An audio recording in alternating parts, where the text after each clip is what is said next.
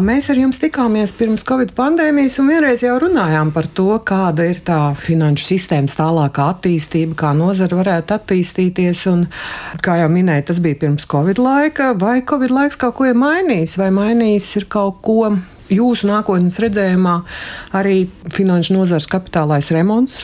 kuru mēs tā veiksmīgi laikam pie visiem notikumiem esam jau piemirsuši, un arī karš Ukrainā pandēmija noteikti ienes zināmas pārmaiņas, un tiek uzskatīts, ka pandēmija ir bijis tāds katalizators pārējai uz attālinātu darbību ar pār jebkurām lietām, un arī, protams, finanšu jomā. Un pandēmijas laikā visa sabiedrība, uzņēmumi lieliski apguva iemaņas praktiski darīt visu attālināti. Tā kā varam teikt, ka tāda digitalizācija ar pandēmiju nu, lielā mērā ir noslēgusies. Karš Ukrainā varbūt uz eh, finanšu tādu pakalpojumu izmantošanu eh, atstāja mazāku nozīmi kā virkni citu lietu, bet eh, noteikti šī ārkārtīgi lielā cilvēces nelaime arī bija tāds pārbaudījuma punkts vairākām koncepcijām. Ja, kas tad cilvēkiem tajā brīdī ir noderīgs un kā tās lietas strādā vai nestrādā? Kādā ziņā? Sākot ar to, kādas norēķina metodas strādā šī brīdī, kā mēs varam ātri pārvietoties, pārvietojot arī varbūt savus uzkrājumus un tam līdzīgi. Ja, un, ja līdz šim tika uzskatīts, ka iespējams šādos apstākļos ir atkal nepieciešama skaidrā nauda, tad mēs redzējām, ka Ukraiņas iedzīvotāji, dodoties bēgļu gaitās, nebūtu nemeklēja tuvāko bankomātu Ukrainā, lai izņemtu grivnas un dotos uz Eiropu, bet devās uz, uz Eiropu ar tiem identifikācijas dokumentiem un identifikācijas rīkiem, kas viņiem bija, un uh, turpināja piekļūt uh, banku pakalpojumiem. Protams, mēs zinām, ka banku pusē tika veikti arī tādi ārkārtas soļi, uh, lai nodrošinātu šo pakalpojumu nepārtrauktību. Jā, mēs zinām, ka vadošās bankas ļoti ātri fiziski pārvietoja savus datu centrus, izmantojot arī jau tādas uh, mākoņu tehnoloģijas, kur varbūt brīžiem šaubījās, vai tas ir to vērts. Protams, karš atkal iedeva šo katalizatoru momentu un teica, ka jā, tas tā ir jādara un tas tā arī tika veikts, bet eh, nu, no tādu jaunu pakalpojumu viedokļa, vai varbūt eh, šķita, ka šis ir brīdis, kad uzplauks Ukrainā kriptoaktīvu izmantošana. Nu, tā gluži tomēr nebija. Ja? Tad, tad tika izmantotas tās pieejamākās, strādājošākās metodas, un tie bija šie mums arī ļoti plaši sastopamie digitalizētie naudas risinājumi. Tad atšķirībā no pagājušā gadsimta lielākā kara, kad uh, nobombardēja banku un banka sagruva un nauda vienkārši sadega fiziski, šobrīd tā nauda ir drošībā. Tieši tā, un varbūt uh, atkāpjoties no tā Ukrainas konteksta, divas valstis pagājušā gada nogalē vai šī gada sākumā izstartēja ar diviem interesantiem konstatējumiem, proti, Zviedrija un Dānija ka pirmo reizi mūsdienu vēsturē nav notikusi neviena bankas filiāls aplaupīšana, jo acīm redzam arī noziedzība saprot, ka banku filiāls mūsdienās lielākoties ir pat bez tā skaidrās naudas, un būtībā noziedzība ir digitalizējusies, kas, protams, atkal ir atsevišķs tendence. Vēl viena lieta, par ko mēs runājam, varbūt mazāk šobrīd, ir tas, ka Nu, nav noslēpums, ka Eiropas bankām ļoti pievilcīga bija Krievijas eh, oligarhu nauda, jo viņi ļoti labprāt atvēra savus banku kontus ārvalstīs. Kas notiek ar šo naudu? Vai Eiropas bankām nav ļoti nu, jāpārvērtē, kas vispār paliek viņu aktīvos.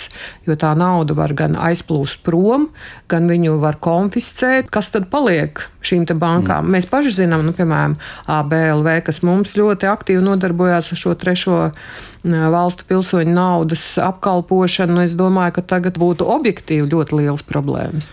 Ai.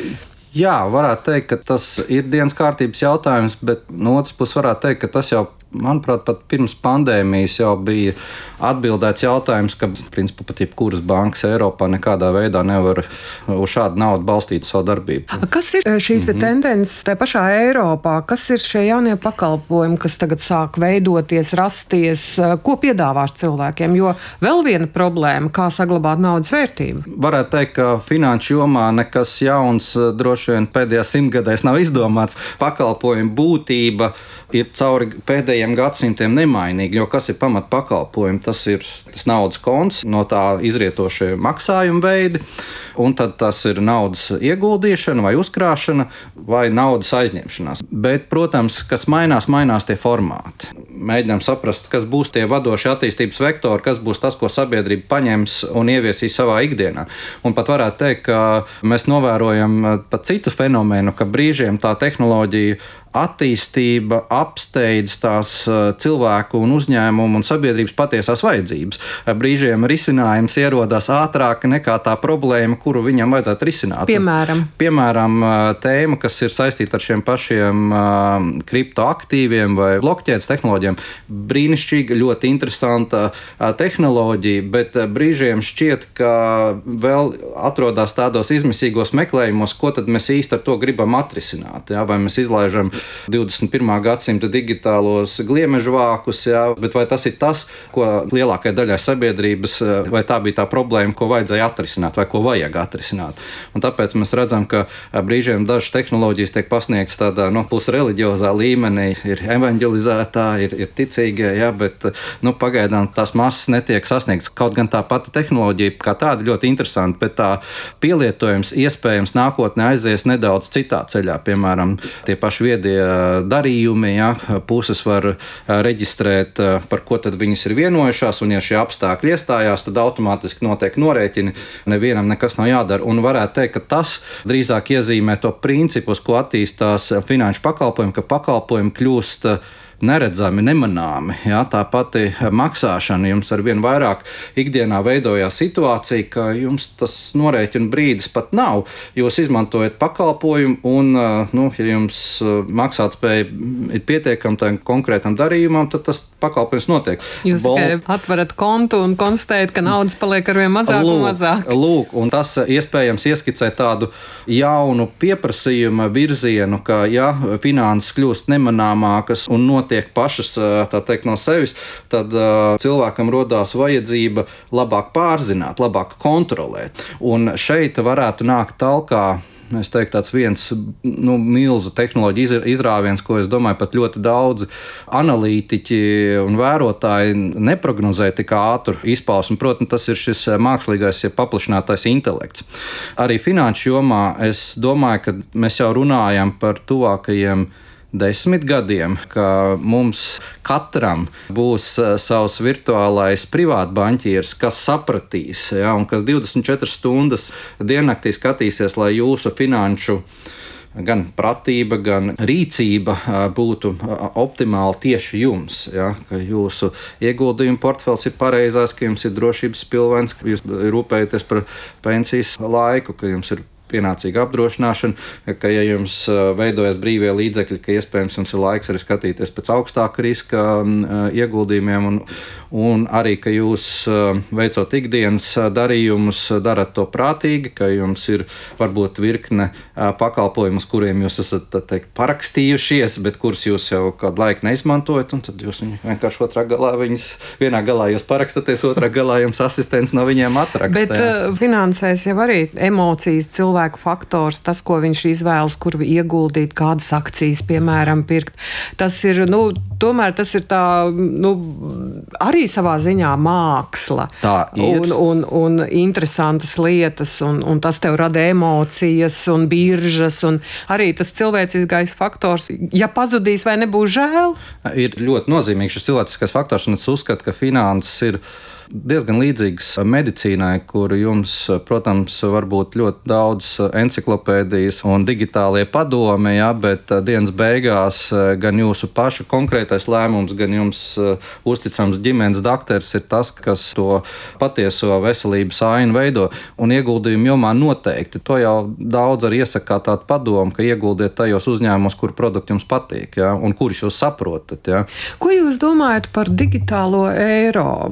Cik tālu ir vispār šis projekts? Es tā īsti nesaprotu, vai mm. digitālais eiro tā ir vēlme radīt kaut kādu konkurentu šiem kriptoaktīviem, vai tas ir kaut kas pavisam cits, vai tas ir vienkārši nu, nosacīt, man jau tagad ir digitālais eiro, jo es eju un maksāju kartes, jau tos eiro nemaz neredzu. Fizisko, jā, arvien mazāk ikdienā redzam. Jā, šis ir lielisks jautājums, un arī es personīgi. Jā kā nu, tāds lietu vērotājs, mēģinu līdz galam saprast, vai ir atbildu šo jautājumu, ko mēs ar to gribam atrisināt. Un, godīgi jāatzīst, man personiski nav izdevies atrast tādu nu, ļoti skaidru atbildi pat no Eiropas centrālās bankas publikācijām, kas ir tas konkrētais mērķis, ko mēs gribam atrisināt. Drīzāk es redzu tādu retoriku, kuras var secināt, ka tas ir tāds, nu, varētu būt pat baiļu vai, vai bažu virzīts pasākums, kur, protams, ir bažas, ka Jā, ja šobrīd mēs redzam, ka kriptoaktīvu emitenti ir bieži vien plašu uzticību neiedvesoši veidojumi, plašu sabiedrības masu tam nesakot, tad bažas varētu būt, ka ja šajā jomā startē lielās tehnoloģiju kompānijas, mēs zinām, Facebook, jeb Meta mēģināja šo projektu, bet tā arī nesanāca. nesanāca nu, tur ir fundamentāla lieta, kāds ir uzticības līmenis šim uzņēmumam, bet pasaulē ir virkni uzņēmumu, kuriem ir augstāks uzticības līmenis. Un Es domāju, ka centrālās bankas bažīs par tēmu, kas notiek, ja nu, piemēram, Amazon izstartē ar savu valūtu, saka, ka visā mūsu tirdzniecības tīklā turpmāk norēķina tikai Amazon um, naudiņās, un kas notiek tādā brīdī, varētu notikt tas, ka sabiedrība tam uzticās un uh, sabiedrība savu likviditāti, kas ir centrālās bankas izdota, samaina pret šo Amazon likviditāti. Ja, Amazon tādā veidā izpumpē no globālās ekonomikas pietiekami nozīmīgu šo monetāro slāni, un uh, būtībā valstis var sākt zaudēt savu tādu monetāro suverenitāti jā, par labu vai par sliktu šiem individuāliem spēlētājiem. Un tāpēc ļoti iespējams, ka šīs centrālās bankas gatavo jau kā gatavu projektu, kur nu, atliek nospiest pogu un viņš iet tā teikt dzīvojā. Šobrīd eh, tās lietas daudzās eh, valstīs iet eh, uz priekšu. Arī Eiropas centrālā banka ir izsludinājusi jau pat praktiskos pilotprojektus, kur visi cieņi piedalās arī atsevišķi Latvijas uzņēmumi. Jā, nu, tādā ziņā liels, liels gods. Bet nu, jāatzīst, ka lasot vismaz šobrīd tos lietošanas scenārijus, man, kā cilvēkam, kas diezgan laika pavadījis finanšu nozarē, liekas ļoti sarežģīti. Es nezinu, cik vienkāršiem iedzīvotājiem to saprast. Iepriekšējā reizē, kad mēs ar jums runājām, jūs minējāt, nu, ka cilvēks ejot ārā no lielveikala, viņam automātiski viss preces saskaitīsies un, un nauda noņemsies. Un tā. nu, pagaidām vēl tas nav. Nu, es atļautos apgalvot, ka mēs jau redzam, piemēram, iedīgļus. iedīgļus pat praktiskus pielietojumus. Pēdējo nedēļu interesantākais pieteikums nāca no Circle K kompānijas Latvijā, ka jūsu automašīnas numura zīme turpmāk ir kā jūsu identifikators. Jūs iebraucat degvielas uzpildstacijā, uzpildaties, braucat ārā un apsardz var jums, var jums pakaļ neskrien. Ja jums zīme ir reģistrēta, naudas konta pietiek, jūs varat uh, doties tālāk savos ceļos, jums norēķina brīdis vairs nav aktuāls. Acīm redzami, uz līdzīgām lietām iet uh, lielveikali. Mēs redzam, ka uh, šodien, manuprāt, Rīgā, piemēram, pieteica savu hackathonu uh, idejām, kā savus pakalpojumus pilnveidot. Es pieļauju, ka viens no virzieniem ir šis arī norēķinu virziens. Kādā veidā, kad jūs esat jau sakrāmējuši preces pa maisiņiem, ļoti ērti jūs dodaties ārā no veikala, ja šobrīd jums ir jāskanē, bet iespējams, ka nākotnē jums pat tas nav tā skanēšana nav jādara. Jo, nu, tiek saprast, ko jūs esat salicis un kāds ir jūsu konts un kas ja jūs tāds esat. ja mēs tiekamies vēl pēc pieciem gadiem, kas tad būs Latvijā un Eiropā? Ai, cik interesants jautājums tas man liekas pārāk. Es teiktu, Labi, pēc desmit. Pēc desmit gadiem, kā jau teicu, tad noteikti būs mums privātais asistents šādā vai tādā formātā, bet noteikti vajadzētu būt ar šo mākslīgo vai paplašināto intelektu apeltītam asistentam, kas jums tiešām ļoti, ļoti, ļoti palīdz ikdienā. Un es domāju, ka viena no jomām, kurā tas būs, tā ir finanšu joma. Tā kā nebūs jāpaļaujas tikai uz savu prātu, bet jūsu gala lēmums vienmēr būs jūsu. Es ceru, ka tā būs būs, un tas, tas būs tas, ko cilvēks neatdos mākslīgam intelektam. Savādāk sanāks, ka visi pelnīs. Uh, nu jā, tur sāk parādīties interesants idejas. Tāpat tās kā ja noziedzība sāk izmantot mākslīgo intelektu, tad, lai to ar to cīnītos, arī vajag acīm redzam mākslīgo intelektu, un tad dienas beigās nu, izmetam cilvēku ārā no šī vienādojuma, un tad ļaujam, lai viņi savā starpā pacīnās. Ja. Un uh, otra lieta, kas būs noteikti pēc desmit gadiem, uh, norēķina kartes kā fizisks objekts būs izzudušas. Esmu gan pārliecināts, un kopumā varētu teikt, ka tādi atsevišķi, varbūt fiziski objekti kā identifikātori vairs nebūs nepieciešami, jo jūs pat, pats varat būt kā lielisks identifikators, biometrija un, un tam līdzīgi, un nav nepieciešams pa vidu kaut kāds elements, kas apliecina, kas, kas jūs tāds esat. Es domāju, ka desmit gadu perspektīvā, pat varbūt šo piecu gadu perspektīvā, mēs lieliski iemācīsimies atpazīt, identificēt un salikt šīs lietas. Tad es ieeju veikalā un norēķinos ar savu seju.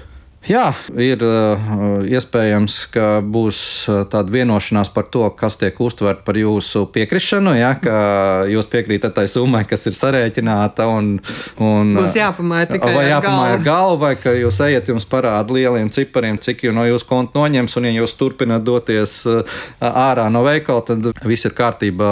Šis darījums ir puses ir vienojušās par preci un par cenu un norēķinu, un viss ir, viss ir noticis.